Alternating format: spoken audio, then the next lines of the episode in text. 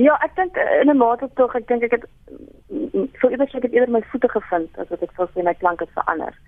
Ek dink uh, my, my uh, vervaardiger het alles wat altyd sê mens moet tog die eerste album uit die pad het kry om uiteindelik weer uit tweede een uit te kom waar waar almal mekaar gevind het en um, ek dink jou jou klank ook dan homself gevind het en gestabiliseer het. Ehm um, so ja, dis definitief. So, ehm um, die tipe goed waar jy geskryf het, het enigstens verander as jy kyk na jou skryfwerk. Ek skryf maar jy weet waar jy daarmee gaan en goed wat met jou gebeur en ek dink die eerste album was bietjie meer oor liefde en die leed van die lewe. Ehm um, waar hierdie album meer te doen het met die stof en en en die soeke na waar jy op pad is. Ehm um, ek dink dit is ook maar teken van die feit waarna ek geskryf het in die laaste 3 jaar. Die album, die tweede album se naam is Jy weet en een van die hooftemas van die album is is vroue. Daar word baie verwys na vroue en en vroue se se krag en mag en so aan. Uh vertel ons bietjie meer daarvan. Dit word ook natuurlik in Vroue Maand bekend gestel jou album. Ja, dit is uh, baie mooi uitgewerk vir my. Um ek ek dink ek kom uit die kabaret wêreld uit en ek um daar's ook altyd gewaarsku teen jy kan nie skryf namens iemand anders nie. Um en ek is 'n vrou en ek ek skryf oor uh, die dinge wat ek sien, die dinge waaroor ek gaan. Ehm um, en en ek dink mens skryf maar 'n mate ook vir jouself en oor jouself en ehm um, en dit ek vir die laaste 3 jaar uh, is groot deel gegaan oor 'n oor 'n soeke na waar ek op pad is en en deur dit moet jy maar jouself self probeer aanhou aanmoedig om aan te en voort te gaan. Uh, ek dink op die einde as jy dit kan vrystel en en dit kan vir iemand anders iets beteken is dit tog waarna mens streef. Ek skryf in die hoop dat dit vir iemand erns buite iets sal beteken en en soveel te meer vir vir die mense wat soos ek wat vroue is, ja. Jy sê jy wens of jy hoop dit kan vir iemand iets beteken daar buite behalwe nou vir jouself wat dit geskryf het. Jou nuutste ja. musiekvideo is pas vrygestel. Uh What if love en ons luisteraars kan gerus gaan kyk na die musiekvideo. Ek sal dit op Twitter ook plaas. Um dit is 'n uh, 'n koreografie dans en um dit beeld 'n moeilike verhouding uit. Vertel ons bietjie meer van die storie daar agter. dit dit, dit beeld eintlik meer 'n spesifieke oomblik uit. Ek dink um ons almal wat deur verhoudings gaan uh ken daai oomblik wat jy probeer probeer praat met iemand um en jy probeer verby mekaar praat.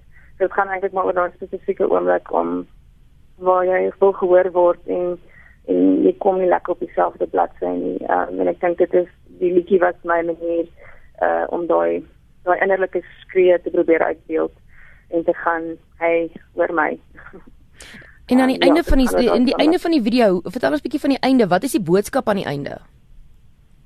Ehm um, die die dansers het uit, uiteraard die uh, verhouding uitgebeeld. Ehm um, ek was altyd aan die sykant en en besig met my eie storie. Ehm um, en die die eintlik is maar is maar net 'n manier vir my my my in te bring in die storie en en te gaan dit is eintlik my storie. Uh, maar so ook elke vrou by die storie en in mate dan seker ook elke man. Uh en dit was maar net om om met die uit dat so heel aan die einde feit ek ook uit. Ehm um, dit deel ook net weer uit ek skree skree probeer uh met jou kommunikeer maar tog hoor jy my nie Ehm um, ja, so dit eintlik eintlik maar op 'n baie bietjie van 'n uh, hartseer toon dink ek. Vertel ons van die res van die snit op die album van jy weet, is dit soortgelyk aan What If Love of is daar bietjie meer goedvoel liedjies is um, op hierdie album? ja, dit is dit goedvoel liedjies, dan moet glo dat hom in balans ook in my lewe dan ook nie net 'n hartseer storie nie eintlik 'n baie lekker lewe.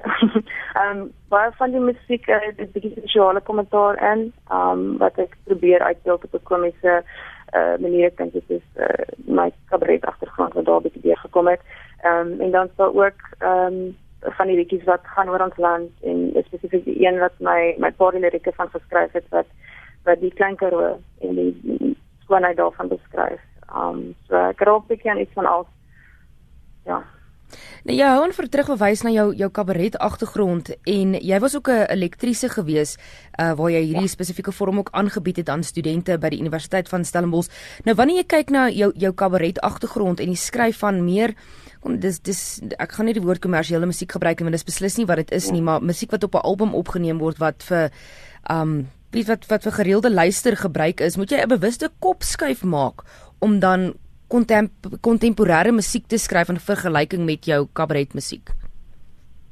Ja, ek dink ehm um, dit was veral vir my uh, iets wat ek dink ek oor moet dink. Ek was ek was bietjie skrikkerig om sosiale uh, kommentaar in te bring want ek dink nie dit is mense word so gekonfronteer daardeur elke dag ek dink nie dis iets wat mense dan nog weer gekonfronteer word as ons van en musiek luister nie en ek dink daarom het ek dit op 'n meer komiese manier probeer doen of ehm um, sou dit skryf in 'n genre soos blues wat wat dalk 'n bietjie meer van 'n fiktieke oomblik kan skep um, al al praat ek oor materiaal wat relatief moeilik is of swaarder is dan ek het maar probeer lig met die musiek Ehm um, maar in my eerste album het ek definitief van daar dit af probeer wegbly en meer kommersieel begin skryf, maar ek dink dit is so groot liefde vir jou is en mense na in jou hart lê, kan jy nie te lank daarvan wegbly nie. Ek ehm um, ek het probeer om die kommersiële kant en dan meer ehm um, sosio-politiese kant aan mekaar te bring op iets wat hopelik en ek hoop regtig dat dit ehm um, aanvaarbaar is vir die algemene